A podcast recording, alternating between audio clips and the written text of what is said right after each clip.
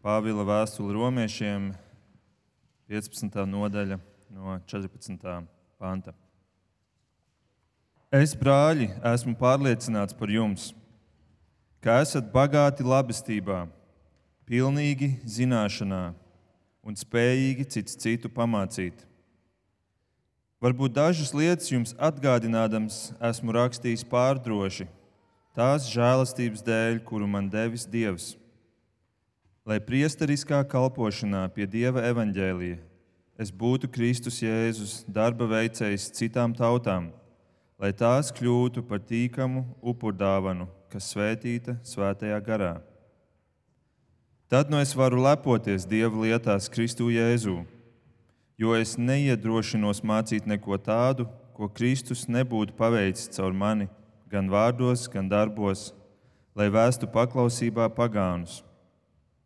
Dieva gara spēkā caur zīmēm un brīnumiem, tā ka no Jeruzalemes visapkārt līdz pat Ilīrikai esmu piepildījis Kristus evaņģēlijas sludināšanu. Tā man ir goda lieta - pasludināt evaņģēliju tur, kur Kristus vārds vēl nav ticis piesaukts.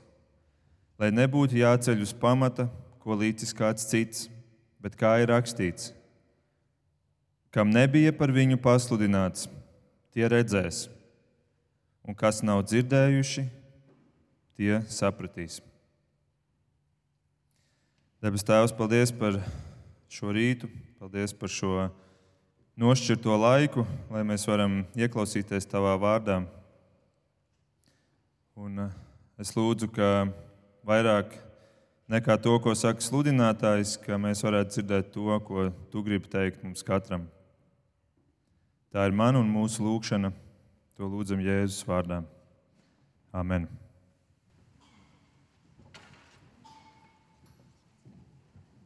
Kad es sasniedzu savus dzīves 30 gadu slieksni, es atrados periodā, kurā spēcīgi sajūta aicinājumu iet sludināt Dievu vārdu. Caur dažādiem, tā skaitā sāpīgiem dzīves notikumiem, es piedzīvoju tik lielu Dieva mīlestību un Dieva vārda skaistumu un spēku, ka radās tāda dziļa vēlme to nest tālāk citiem, dot tālāk citiem, nevis paturēt sevī. Un eh, man bija jāizdara izvēle vai paklausīt Dievam un iet šo ceļu ar visām no, tās, no šīs izvēles izrietošajām sekām, jo es todien biju vēl Lutāņu draugzē un apzinājos, ka šis solis nesīs milzīgas sekas manai ģimenei, jo, no tās, jo tas nozīmēs iziet no šīs konfesijas, kurā mana mīļā sieva ir pavadījusi visu savu dzīvi kopš bērnības. Un, tā nu šajā 30 gadu jubilejā stāvot uz šīs sliekšņa, mazajā Bībeles lozungu grāmatā, kur arī šodien mācītājs pieminēja, kuru mēs ģimenē lasām gandrīz katru rītu, arī pie brokastu galda, bija iekļauts Bībeles pants, kas bija tieši man, tieši tam brīdim, tieši šai 30 gadu jubilejas robežai uzrakstīts, tā man šķita. Un tas bija pants no 1. samuēla 3.18, kur ir teikts, Viņš ir tas kungs, lai viņš dara, ko viņš pats redz labu esam. Un man tas tajā dienā bija tāds apstiprinājums, ka tas, kas notiek manā dzīvē, tas ir Dieva darbs. Un ka Viņš savu aicinājumu nesīs cauri visiem šķēršļiem, kas arī manā dzīvē turpmākajās nedēļās, mēnešos, gados būs jāpiedzīvo. Šonadēļ es esmu sasniedzis savu 40 gadu robežu. Un savā tieši precīzi šajā dienā es atkal lasot šo lozungu vārdu, tiku atgādināts par šo savu aicinājumu, kas atkal bija tā skaisti un trāpīgi. Un šoreiz tas bija vārds no 2. korintiešiem 5.20, kur ir teikts, Kristus dēļ mēs esam sūtņi, it kā Dievs sauktu caur mums. Kristus dēļ mēs lūdzam, saņemiet šo izlīgumu ar Dievu. Un tā nu ejot savā jaunajā desmitgadē, es no jauna nofokusēju savu skatu uz to, kas es esmu, uz ko es esmu aicināts, ka es esmu Kristus sūtnis šajā pasaulē. Bet tad ir tas jautājums, kā bez šiem varbūt desmit gadus jubileju brīžiem, kā noturēt to fokusu uz savu aicinājumu, kā palikt uzticīgam savam aicinājumam. Ejot cauri visiem dzīves šķēršļiem, ejot cauri visiem dzīves kārdinājumiem, ar kuriem mēs katrs sastopamies, kā palikt uzticīgam savam aicinājumam. Un kādam varbūt ir vēl cits jautājums. Kāds varbūt jautās, kā vispār savu aicinājumu saprast, apzināties. Kas ir tas aicinājums, kuru Dievs man dod? Kas ir tas aicinājums, kurā Dievs sūta mani šajā pasaulē? Es ticu, ka Pāvils šodienas teksts, kuru mēs arī jau lasījām, var palīdzēt atbildēt uz šiem jautājumiem. Pāvils šeit runās par sevi, viņš dos tādu savu, savu redzējumu, savu liecību par to, kur Dievs viņu ir aicinājis un kā viņš skatās uz šo, kā viņš arī atskatās uz to, kā Dievs ir viņu vadījis. Bet vienlaikus es ticu, ka Pāvils nerunā tikai par sevi. Viņš runā par katru kristieti, par mums katru kristieti. Un, uh, viņš šeit izceļ četras iezīmes, kas saistītas ar šo aicinājumu. Viņš savā veidā pateiks, ka Dieva aicinātie ir arī pilnīgie, priesteri, piepildītāji un pamatlicēji. Četri P burti. Pirmajam mēs visvairāk laika veltīsim, bet um, es aicinu, ka mēs katrs ejot cauri arī šiem četriem punktiem, varam paskatīties uz sevi un mēģināt ieraudzīt sevi. Nevis tāpēc, ka es to saku, bet tāpēc, ka Dieva vārds mums to māca. Tad vispirms Pāvils runā par pilnību, un mēs varētu teikt, Mēs esam pilnīgie. Izlasīsim 14. pantu. Es, brāļi, esmu pārliecināts par jums, ka esat bagāti labestībā, pilnīgi zināšanā un spējīgi cits citu pamācīt.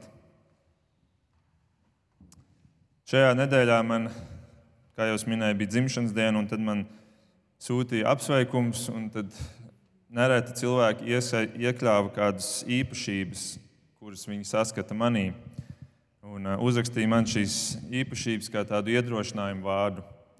Pāvils savā ziņā arī šeit sūta īziņu šai romiešu draudzē un uzraksta īpašības, kuras viņš saskata šajā draudzē. Viņš saka, jūs esat bagāti labestībā, jūs esat pilnīgi zināšanā, jūs esat spējīgi cits citu pamācīt. Ja tev būtu dzimšanas diena, Un, ja tev kāds atsūtītu šīs trīs īpašības par tevi, ko tu teiktu? Iespējams, tu teiktu, bagāti labestībā. Tas ir ļoti mīļi, ka tu tā uzraksti. Spējīgs pamācīt citus. Nu, tas jau varbūt ir tā mazliet. Tur, tur, tur, um, tur vajag pazemību, lai to varētu darīt bet pilnīgi zināšanā, nu, tas, tas gan ir, nu, tu gan te, nezinu, glaimo manai dzirdējai. Bet, bet Pāvils šo raksta šai draudzē. Un tā acīm redzot, izcēlās ar šīm trīs īpašībām. Pāvils šo draugu nepazina personīgi. Viņš nekad nebija bijis tajā, viņš nekad to nebija apmeklējis. Iespējams, pat Pēters bija dibinājis šo draugu. Tomēr līdz Pāvlam bija atnākušas kādas ziņas caur saviem cilvēkiem, ka šī draudzene ir šāda, tā ir bagāta labestībā. Ko tas nozīmē? Ko nozīmē labestība? Labestība ir morāla kvalitāte, kas ir arī minēta Galatiešiem 5, kur ir runa par gara augli. Tas mūsu logo šeit priekšā ir, ir simbols gara auglim, kur ir minētas deviņas kvalitātes. Un, un viens no tiem aplīšiem, kas šeit ir priekšā, ir vārds labestība. Tātad mēs redzam, Galtiešiem 5 ir teikts, bet gara auglis ir mīlestība, miers, prieks, izturība, krietnums, labestība, uzticamība, lēnprātība, savaldība. Tad, ko mēs redzam šajā draudzē, svētais gars darbojās. Un draudzene ļauj svētajam garam tajā darboties.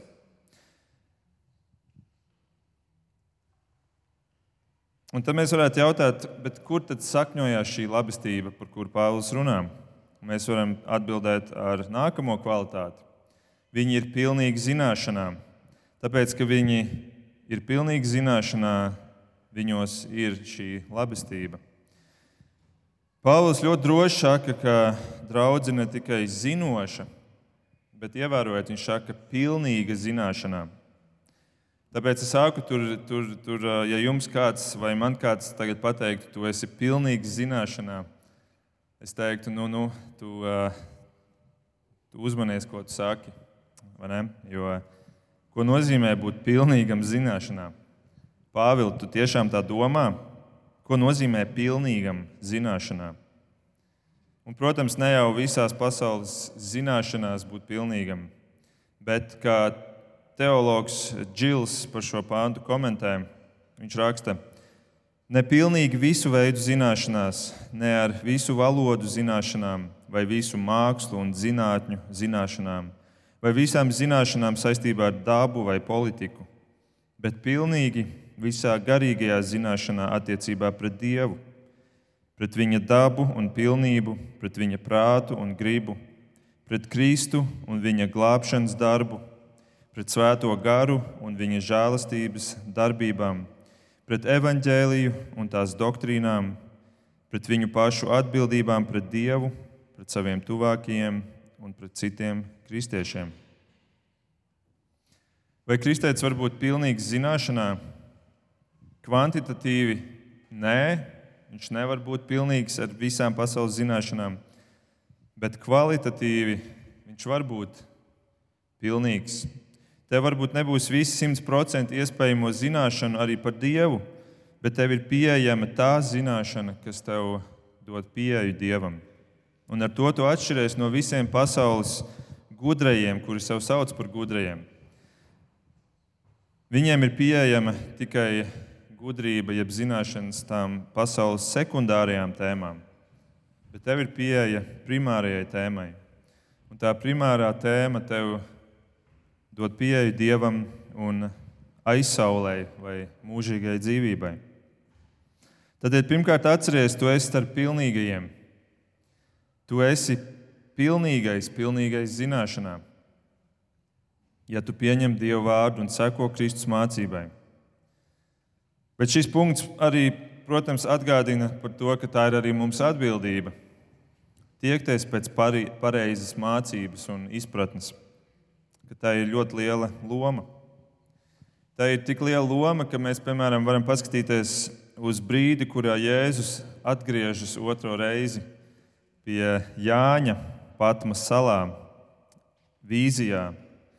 Un, tur viņš kaut ko svarīgu saka draudzēji attiecībā pret mācību un izpratni. Atklāsmes grāmatā 2, 14, 15 Jēzus saka to draudzēji. Bet daži iebildumi man ir pret tevi, jo tur pie tevis ir arī tādi, kas turas pie bilējām mācības, kas mācīja bālāku pavedināt Izraēla dēlus, ēst upurēdienu un piekopt netiklību. Tāpat tev tur ir arī Nikolaitu mācības piekritēji. Redzēt, Jēzus saka, ka nepareizas mācības dēļ man ir iebildumi pret tevi, draudzene. Un tad nākamajā pantā sako, pavēle, tad nu nožēlo grēkus un atgriezies. Tad apzīmējums, ka mēs esam pilnīgi zināšanā, ir gan vienlaikus iedrošinājums mums, ka mums ir pieejamas visvērtīgākās zināšanas pasaulē, bet vienlaikus brīdinājums tiekties pēc pilnības zināšanā un pareizajā izpratnē par Dieva vārdu. Nenolikt to kā tādu sekundāru tēmu, kur kur nu jā, tā Dieva vārds jau ir grūti interpretējams, un, un tāpēc nav vērts ieguldīt tur laiku. Bet Jēzum tas bija ļoti svarīgi. Jēzus brīdināja draugu par to, ka nepareizas mācības bija ienākušas viņa draudzēm. To varētu arī apkopot tā, ka Dievs gan pārveido sirdi, bet mums ir jāpārveido prāts. Dievs ir tas, kurš tevi savā lielajā mīlestībā atgriež no grēkiem, piedod grēkus, dod tev jaunu dzīvi, dod tev jaunu sirdi. Bet no tā brīža sākot, tā ir tava atbildība, ka tu pārveido savu prātu caur Dieva vārdu izpratni, caur atziņu, kuru Dievs ir devis. Un tad Pāvils no, nobeidz šo pirmo daļu ar vēl vienu kvalitāti Romas draudzē, kur viņš saka, ka jūs esat spējīgi cits citu pamācīt. Atkal viens rezultāts no tā, ka jūs esat pilnīgi zināšanā, ir tas, ka jūs kļūstat spējīgi viens otru pamācīt. Bet es gribu šeit pievienot vēl arī pretējo pusi un teikt, ka jūs ar to kļūstat arī spējīgi tikt pamācītiem.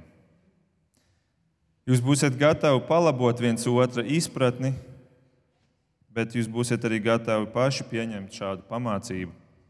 Nevis apvainosieties par to, ka jums kaut ko aizrāda, vai ka jums kaut ko pamāca un parāda, ka, ka Dieva vārds varbūt māca šajā jautājumā kaut ko atšķirīgu. Un kādēļ jūs būsiet šādi, kādēļ jūs būsiet spējīgi pamācīt un arī tikt pamācītiem? Tāpēc, ka jūs gribat saprast Dieva gribu. Jūs gribat saprast Dieva gribu vairāk nekā pierādīt savu taisnību, jeb turēties pie savas gribas. Un tad lūk, sanāk tāda veselīga draudzene, kurā ir labestība, tātad ir labi augļi, kur tu skaties uz, uz draugu cilvēkiem, tu redzi, tur nāk ārā labi augļi, tur aug šie, šis gara auglis. Mēs redzam, draudzē ir pareiza izpratne par veselīgo apstuļu mācību, kas ir dota mums jaunajā derībā. Un mēs redzam arī tādu veselīgu komunikāciju, kur cilvēki neapvainojas, ja viņiem kaut ko pamāca, bet kur mēs esam spējīgi viens otru pamācīt, iedrošināt, arī kaut kur aizrādīt. Un mēs kopīgi skatāmies uz to lielo mērķi, ka mēs gribam saprast Dieva gribu, mēs gribam darīt Dieva gribu, nevis turēties katrs pie ieķērušies, iegrābušies tajā savā personīgajā gribā. Un tas ir viens no iemesliem, kādēļ kristētim tik ļoti ir vajadzīga draudzene. Ja tu dzīvos pats savu individuālo dzīvi, savu kristiešu individuālo dzīvi, it kā tāda eksistētu, tad tu, tu nebūsi konfrontācijā ar, ar visiem šiem ar šīm svētībām, kuras es tikko minēju. Nu, lūk, tātad Pāvils saka, ka tur veidojas tāda veselīga draudzene, tāda laba ekosistēma, kurā kurā ir laba augsne, lai katrs saprastu un izdzīvotu savu dzīves aicinājumu, savu dieva doto aicinājumu. Un tagad Pāvils dos piemēru, kā viņš pats izprot savu personīgo aicinājumu. Un, kā jau minēju, vienlaikus turot skatu arī uz visiem kristiešiem. Tātad pirmais bija pilnīgie, un tad otrais punkts ir priesteri. Viņš un arī mēs neesam tik, ne tikai pilnīgie šajā zināšanas izpratnē, bet mēs arī esam priesteri. Un to viņš apraksta 15. un 16. pantā. Varbūt dažas lietas jums atgādinādams, esmu rakstījis pārdroši tās žēlastības dēļ, kuru man devis Dievs, lai priesteriskā kalpošanā pie Dieva evaņģēlīja es būtu Kristus, Jēzus darba veicējs citām tautām lai tās kļūtu par tīkamu upuru dāvanu, kas svētīta svētajā garā. Tad viņš sāk šo otro daļu ar, ar teikumu, ka varbūt dažas lietas jums atgādinādams esmu rakstījis pārdroši. Tātad varbūt arī kaut arī jums ir šīs labās kvalitātes, par kurām es jums tikko rakstīju. Es jums šajā vēstulē tomēr esmu atgādinājis kādas lietas, Un ja jums ir licies, ka tas ir bijis pārdroši, ka tas ir bijis aizvainojoši, ka tas ir bijis sāpīgi, ka tas ir bijis nepatīkami, ka es jums šīs lietas esmu atgādinājis, tad ziniet, es to esmu darījis tās žēlastības dēļ, kur Dievs man ir devis. Un šeit mēs vārdu žēlastība varam aizvietot arī ar vārdu aicinājums. Tā aicinājuma dēļ, kuru Dievs man ir devis. Pāvils savu aicinājumu sauc par žēlastību, ka Dievs ir viņu apžēlojis, dodot arī viņam šo aicinājumu. Tātad Pāvils šeit kaut ko interesantu dara. Viņš dara kaut ko tādu, arī ko mēs varam atcerēties savai dzīvē. Viņš saka, ka varbūt ir runājis šķietami pārdroši un tīri cilvēciski, varbūt nemaz viņš tā nerunātu. Tas vārds pārdroši liek domāt, viņš saka, tīri cilvēciski, es varbūt ar jums tā nerunātu, bet es esmu zem dieva mandāta. Es esmu zem dieva aicinājuma, tādēļ es nevaru nerunāt.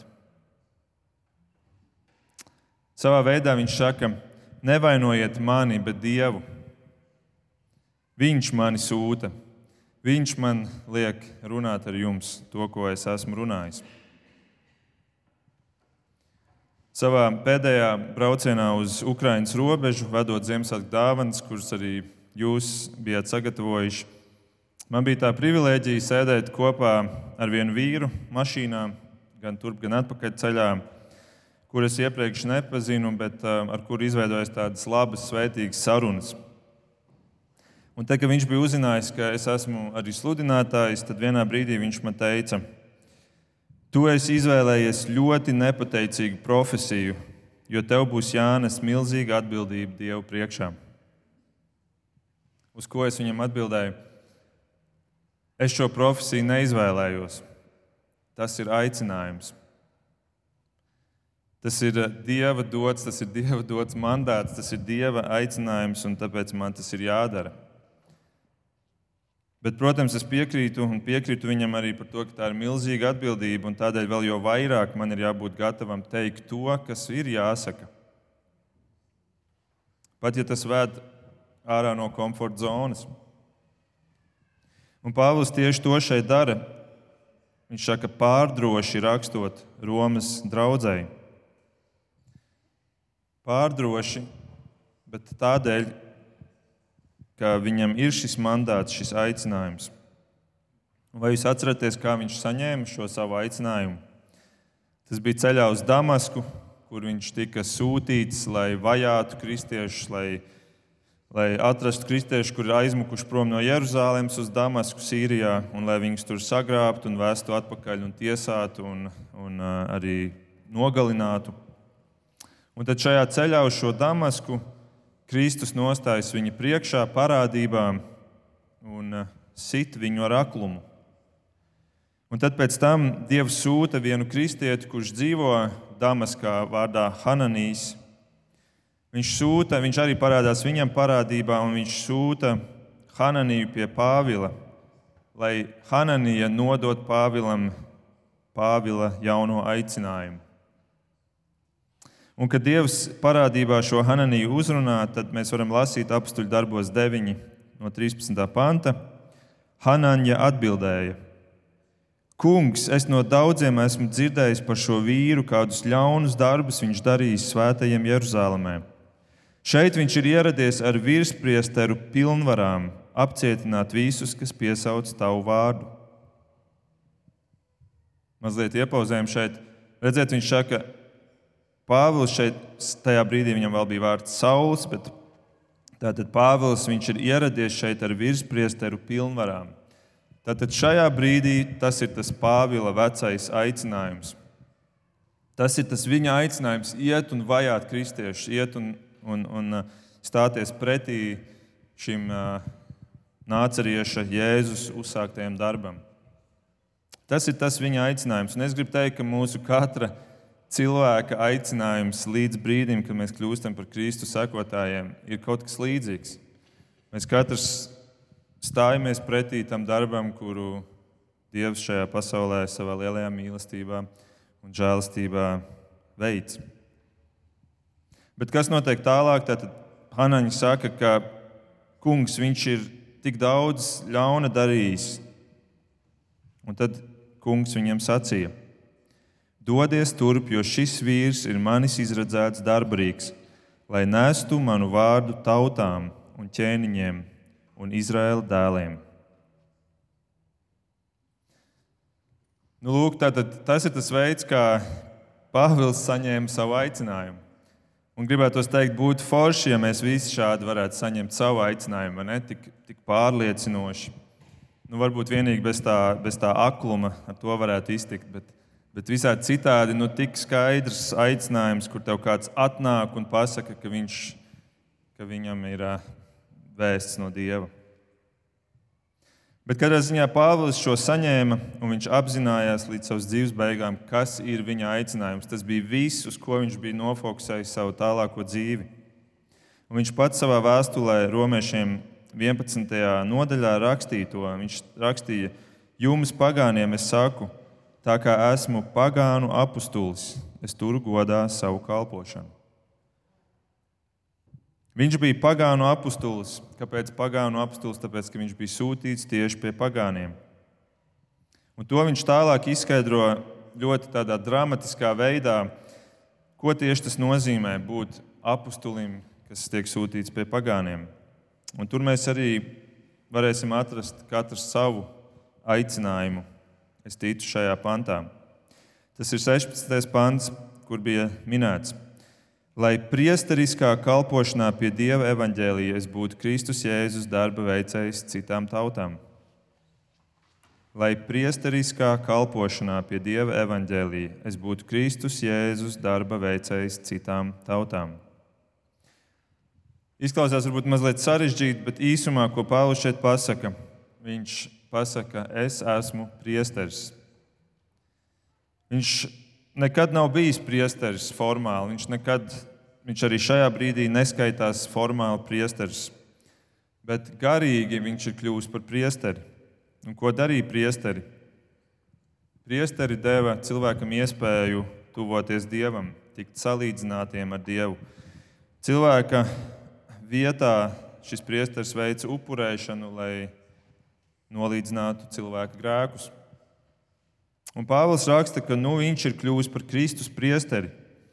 Priesterim vairs nav vajadzība, ka, ka viņam ir vēl kāds starpnieks starp Dievu un viņu. Cilvēkam bija vajadzīgs starpnieks, tas bija tas priesteris, bet pašam priesterim ir tieša pieeja pie Dieva. Viņam vairs nav vajadzīgs neviens cits starpnieks kā vien Jēzus, kurš ir nācis kā starpnieks starp debes tēvu un mums. Un tā, nu, ko dara priesteris, viņš pienes upuri Dievu priekšā. Un mēs varam jautāt, ko tad Pāvils šeit pienes kā to upuri. Un viņš to saka 16. pantā. Lai priestriskā kalpošanā pie Dieva evaņģēlijas būtu Kristus darba veicējs citām tautām, lai tās kļūtu par tīkamu upurdāvanu, kas svētīta svētajā garā. Redziet, Pāvils saka, es pagānus pienesu kā upuri. Es upurēju pagānus savā ziņā. Es esmu priesteris, kurš rokās tur pagānus un nes tos Dievu priekšā kā upurdāvanu. Tā ir tā aina, tā vizuāla, ja jūs vizualizējat to ainu, tad priesteris Pāvils ar savām priesteru drānām stāv Dievu priekšā un rokās tur pagānus, pagānu tautas. Un, ja kas, tad arī tu un es mēs esam pagāni.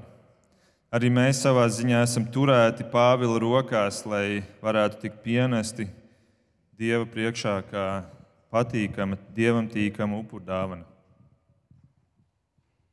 Un jūdzi šajā brīdī teiktu, Pāvils, kā tas ir iespējams? Pagāni ir netīri. Pagāni ir nešķīsti. Dieva priekšā var pienest tikai to, kas ir tīrs, kas ir šķīsts, kas ir svēts. Pāvila atbildi jau tikko atskanēja. Viņš saka, ka svētais gars viņus ir nomazgājis un svētījis. Svētais gars ir, viņš saka, ka svētīta, tā ir tā upurdāvana, kas svētīta svētajā garā.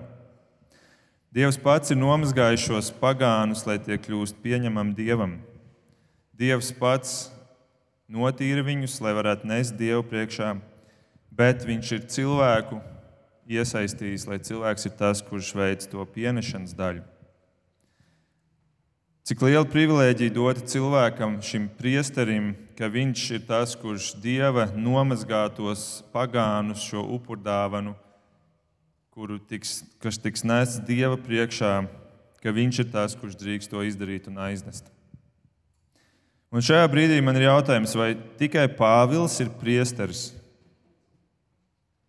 Ziniet, kurš vēl ir priesteris? Kurš vēl ir kļuvis par Kristus priesteriem? Mēs visi. Tu un es.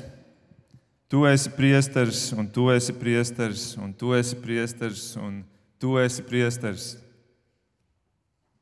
1. pētera 2.5 ir teikts, arī jūs paši kā dzīve akmeņi tiekat uzcelti par garīgu namu, lai jūs būtu par svētu priesterību Dievam un pienestu garīgus, Dievam tīkamus upurus caur Jēzu Kristu.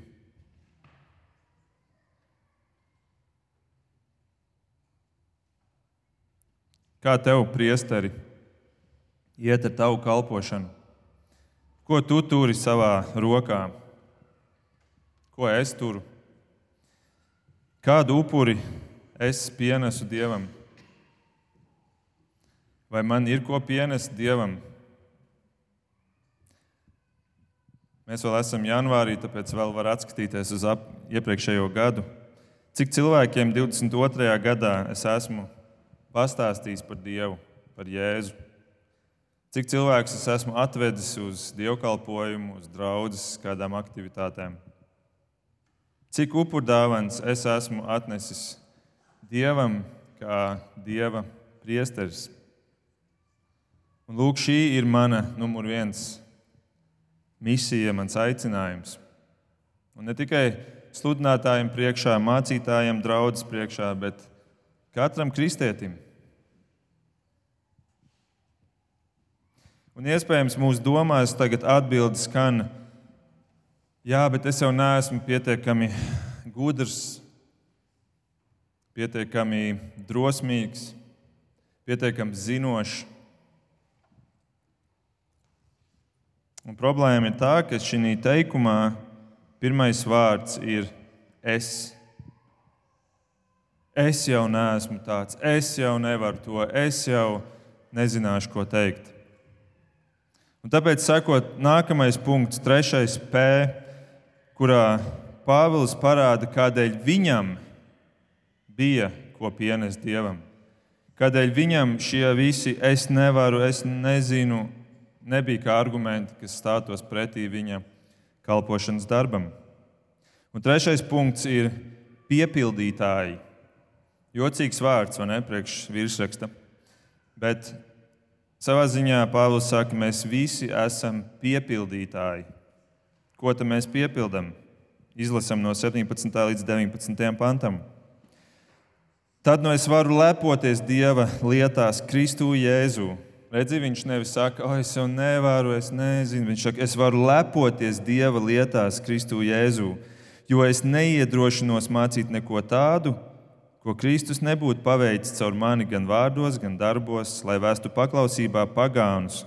Dieva gara spēkā caur zīmēm un brīnumiem, tā ka no Jeruzalemes visapkārt līdz pat Ilirīkai, kas ir mūsdienu Albānija, es esmu piepildījis, es esmu piepildījis Kristus evaņģēlija sludināšanu. Mums visiem ir dots aicinājums pildīt savu priesteru lomu un pienest upurdāvanas dievam. Tā ir katra mūsu kristieša aicinājums. Bet šis uzdevums nenāk no mums pašiem. Šis uzdevums nav tas, ko mēs paši izgudrojām vai kur mēs izdomājām. Tas, ko mēs darām, mēs tikai piepildām šo uzdevumu. Mēs esam tikai piepildītāji tam, ko Dievs jau iepriekš ir sagatavojis. Šis grieķu vārds piepildītājs, ja piepildīt, ir vārds, kas nozīmē kaut ko līdzīgu kā piepildīt trauku. Tad Dievs ir nolicis glāzi, un mēs tikai piepildām to. Mēs neesam tie, kas šo glāzi ir radījuši, kas šo glāzi ir nolikuši šeit kas šo glāzi ir noformējuši. Mūsu uzdevums ir dots piepildīt to. Pāvils to saka, es neiedrošinos mācīt neko tādu, ko Kristus nebūtu paveicis caur mani. Un tā ir savā ziņā atslēga tam, kā izdzīvot savu aicinājumu. Apzināties, ka tas nenāk no manis, bet tas ir Dieva darbs. Tas nenāk no manis, bet tas ir Dieva darbs. Līdzīgi kā man tajā 30 gadu robežā, tajā slieksnī, man bija tas iedrošinošais Bībeles pants, kurā es skaidri sapratu, ka Dievs būs tas, kurš darbosies. Cilvēciski es redzu visus tos šķēršļus, tos, tās grūtības, un visas tās sarunas un tās asaras, kas sekos, bet, bet es zinu, ka Dievs to darīs. Tagad, skatoties uz šiem desmit gadiem kalpošanā, es esmu izdzīvojis tiešām to, ka tā ir Viņa vadība. Es varu tikai slavēt Viņu par visu to, kas ir izdevies, un, protams, vienlaikus vainot sevi par visu to, kas nav izdevies ko es varu nākamajos desmit gados labāk darīt. Bet redziet, mēs esam piepildītāji, nevis pasūtītāji. Pasūtītājs ir Dievs. Mēs dzīvojam darbos, kurus Dievs ir iepriekš pasūtījis, kurus Dievs ir iepriekš sagatavojis.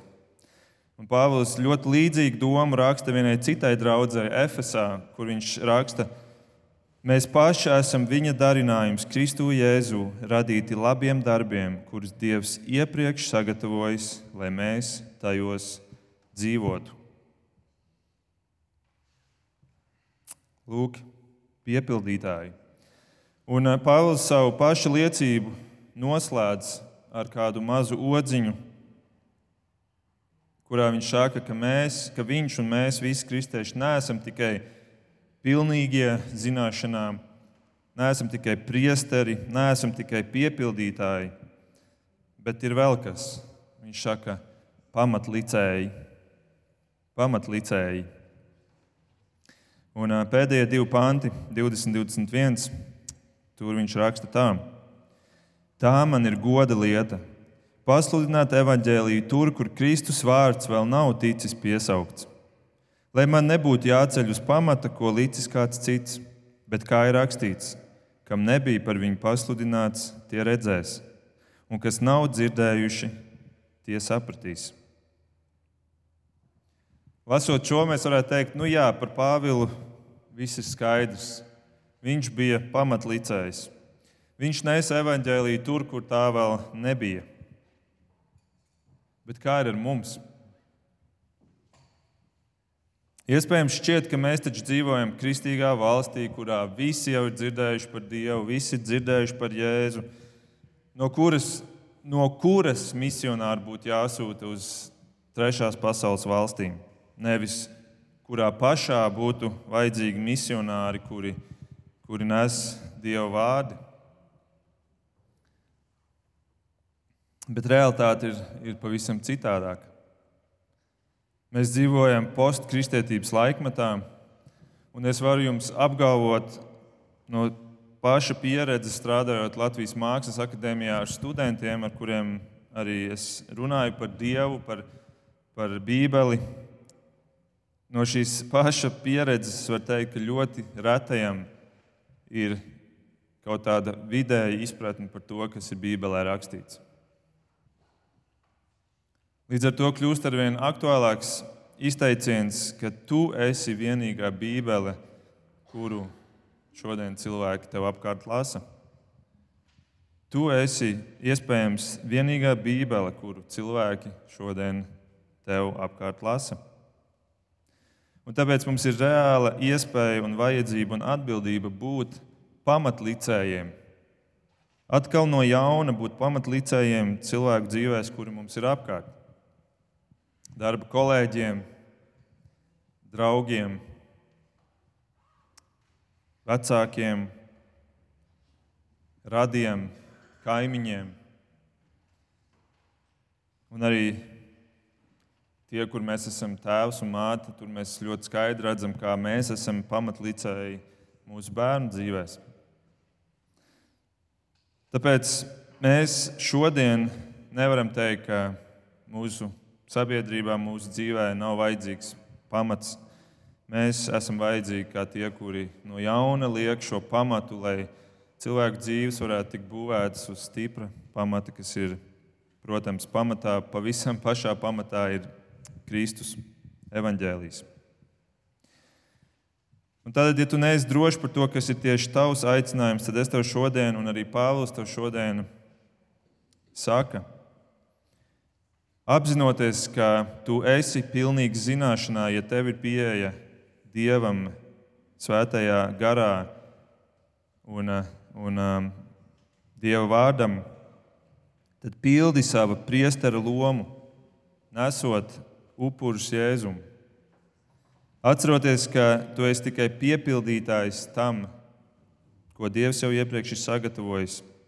Un tādēļ kopā ar Pāvilu sauc to par savu godu, ka tu vari būt pamatlicējs, ka tu vari būt pamatlicējs cilvēkiem, kuri tev ir apkārt.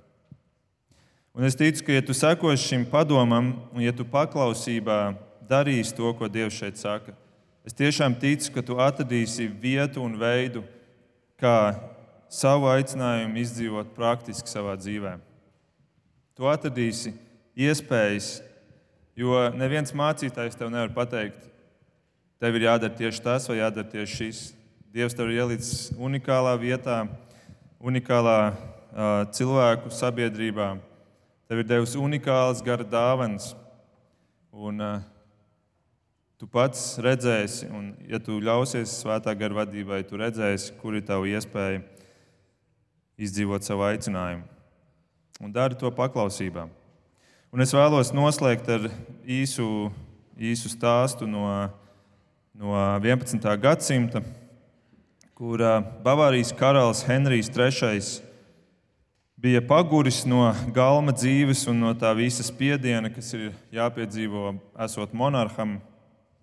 Un tā nu viņš beigās iesniedza pieteikumu prioram Ričardam vietējā klosterī, lūdzot, lai viņu pieņem kā mūku un lai var pavadīt savu atlikušo mūžu klosterī.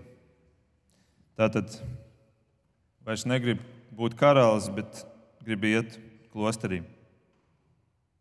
Jūsu majestāte, sacīja Priors Ričards, vai jūs saprotat, ka galvojums šeit ir paklausība?